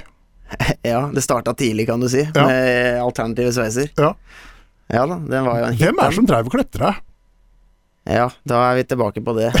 Det er jo helt krise. Det er jo, eh, at jeg blei så gammel før jeg skjønte det, det er jo det verste. Siste gang hun kløpte meg, da var jeg jo Da var jeg jo over 18 år og kjørte bil, og ja, For det er mamma vi snakker om. Det er helt riktig. Det er mora mi som mente du kunne klippe, og Du vet sånn at eh, når du kommer fra frisøren, og så gror det, og så blir du kløpt en gang, så er det på en måte begrensa hvor mye gærent du kan gjøre. Det er på en måte kløpt riktig for én gang siden.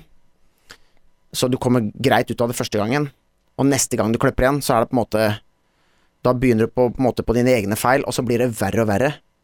Så Daniel kløpte meg da siste gangen da altså to-tre kløpp etter frisøren, så da jeg så ikke ut Jeg kan ikke forklare åssen jeg så ut, men det var helt Altså, jeg hadde jo en kjæreste, og jeg kom på besøk der, og det var jo Altså, både hun og familien jeg måtte jo bare le. Altså, det var krise. Så det var siste gangen, i hvert fall. Helt sikkert. Ja. Det var siste gangen. Ja, det, Ja. er ikke, det var ikke siste gangen med forskjellige Altså, Nei, det har vært mye eh, sveiser opp igjennom. mye sveisere.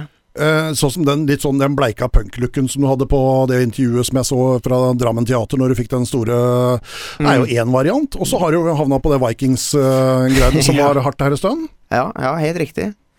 Jeg har liksom aldri tenkt så mye over det selv, men jeg har hatt en sveis en stund, og så har jeg hatt lyst til å ha en annen sveis. Og så har jeg tenkt at uh, det er jo nå mens jeg er ung og har hår, at jeg må gjøre det. for, en, for en dag så stopper det. Um, er du jålete? Eh, ja, jeg er nok litt jålete. Har du vært det bestandig? Jeg har nok vært litt sånn forfengelig Altså, jeg vil si eh, Altså, på skala fra én til ti, så er jeg kanskje på altså sju, liksom. Det er, ikke, det er ikke voldsomt, men jeg liker på en måte å føle at jeg har eh, satt sammen litt riktige kombinasjoner av klær og Ja, eh, Men jeg er ikke opptatt av hva Jeg er ikke opptatt av hvilket merke jeg bruker, Okay. men eh, jeg er jo litt opptatt av at Det er sjelden jeg bare slenger på meg helt vilkårlig og går ut døra. Mm. Hvis jeg skal noe. Mm, Fjelltur med videregående skole, Mm. eh, hvor alle da altså har sekk og tursko og i det hele tatt. Hva har du med deg da, Kvelde? Ja, det er jo eh, en bag, da. En bag, ja? Ja. Hva er greia med bag, da? Nei, det er jo helt håpløst. Når jeg ser tilbake på det nå, så er det jo helt eh, Og ikke niste? Nei, jeg hadde ikke det heller. Nei. Og ikke hadde du fjellsko, for du hadde urban-sko med høye såler og Ja. Så i hvert fall fin ut der oppe, da. Ja, det er jo helt katastrofe. Det er jo fullstendig hjerneblødning. Det er jo For niste var ikke noe kult, så det hadde du ikke deg. jeg Så, så du frøys og var sulten og ja. Nei, det var, jeg var nok litt sånn. Jeg var nok, eh, jeg var nok en person som eh, Men du hadde mye hårvoks med deg, da, om ikke annet. Ja, det hadde jeg. Den satt i Det var jo Ja, vaselin, så det, jeg hadde nok av det håret. Ja. Nei da, det var Ja. Det var, jeg, jeg hadde nok en periode hvor jeg ikke tenkte så praktisk. ja, apropos det, Mm. ikke tenkte så praktisk. Mm. En Ford Escort Mm. som ble senka litt. Ja, det var ikke praktisk. Det var jo ikke så veldig praktisk om vinteren, i hvert fall. Nei. Det er ikke i det hele tatt. Nei. Fortell, fortell om eskorten din. Ja, nei, det var første bilen jeg kjøpte. Ford, eh, Ford Escort 93-modell. Og da var det jo, på den tida der, så var det å få en basskasse inn og senke den og Jeg var ikke råner, men jeg var liksom opptatt av at den skulle se litt kul ut. Men ja, som du sier, det fungerte jo dårlig på glatta, og så jeg var ikke bare på veien. Jeg var vel sånn som at du kunne ikke bruke den på vinteren i det hele tatt, eller sånt. Har jeg fått oppgitt, men eh, Ja, det var Jeg senka den jo en del, så det er klart, når det kom mye snø i løpet av natta, så så, så hadde det sine begrensninger. Altså. Det var dager jeg ikke kunne bruke den. Helt riktig. Mm. Mm. Hvordan er det med eh, konkurranseinstinktet? Ja, det er høyt. Det er høyt. Mm. Ludo på hytta?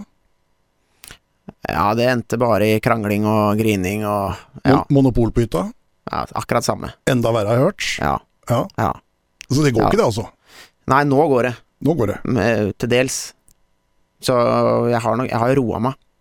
Men jeg, hadde, jeg har bestandig hatt et voldsomt konkurranseinstinkt. Mm. Ja, jeg har det. Så det var ikke noe sånn hyggelig Hyggelig spillkvelder. hvis, ikke du, hvis ikke du lot meg vinne, da, selvfølgelig. Ja. Jeg var jo sånn dårlig tap Nei, altså dårlig vinner også. Ja. Eh, Kosa meg fælt når jeg på en måte eh, var eh, Når jeg lå godt an og, og så at jeg kom til å gå veien. Mm. Ja, ja. Siste jeg skal ta med deg, sånn, eh, og den er jeg litt sånn usikker på, for jeg syns det er litt sånn rar historie, men kanskje du eh, kan eh, klare dette allikevel, og så få dette til å bli en historie. For eh, vi snakker om eh, kleshandling eh, når du var guttunge, Mm. som du ikke ville ha Du måtte gå rundt og velge ut klær, men så måtte mamma gå bak og late som om hun ikke så hva du kikka på, så kjøpte hun det allikevel. Ja, det var eh, Ja da. Jeg skjønner du er usikker på den. Ja. Det var en periode hvor det var lite kult eh, Jeg regner med at det er en sånn fase alle er gjennom. Mm. Da var det det at eh, å gå med mora si i byen var ikke det mest optimale. Så det var at jeg liksom gikk inn i en Ja, det er kanskje litt overdrevet, jeg er ikke helt sikker. Jeg håper det. Men da gikk jeg altså inn i butikken og på en måte gikk rundt og kikka, og til slutt pekte på det jeg ville ha. Så mamma så det. Eh, Og så gikk jeg ut, og så gikk hun inn. Og det er jo det er så pinlig som det går an. Det kan jo ikke stemme helt. Hæ?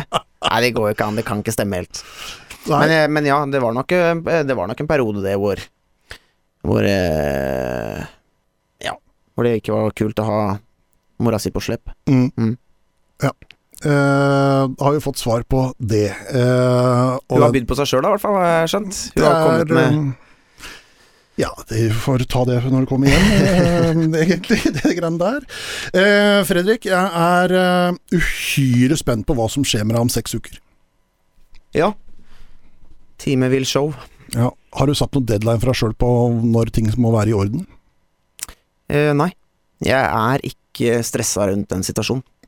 Og det er sannheten. Nå skal ikke jeg si at Nå skal ikke jeg si at det ikke blir rart hvis man legger skoa på hylla, for det, for det er klart at det blir det. Nå har jo fotball vært eh, den største delen av livet mitt på mange måter. Hele livet. Så eh, det ville vært veldig rart hvis det ikke betydde noe eh, den dagen det tar slutt. Så det er, det er klart at det Det blir en helt spesiell situasjon. Men det er heller ikke en situasjon jeg på en måte frykter. Så hva som skjer om seks uker, kan jeg ikke svare på. Altså, fordi, helt ærlig, jeg vet ikke. Har du lyst til å spille mer fotball? Jeg kommer nok alltid til å spille litt fotball. Eh, fordi at eh, fotball er eh, på mange måter akkurat like morsomt i dag som det var for eh, 20 år siden. Eh, men du trenger jo ikke å spille profesjonelt. Som gammel heisagutt så blir det avslutning på hei, da kanskje. Ja, du får komme med tilbud. Ja, det er godt. Eh, Fredrik, åtte minutter i gode venners lag. Det går styggfort, og nå er det søren meg gjort. Eh, tusen hjertelig takk for at du stilte. Jo, Hyggelig å være her. Håper du har hatt en fin, eh, fin liten eh, Nesten en hel kamp, da. Nesten to omganger. Håper Ja. Ja, det er jo lenge siden sist, så det Ja. Jeg har hatt det veldig hyggelig. Godt poeng. Vi er tilbake om en uke med nye spennende gjester her på eh, 352.no. Takk for i dag.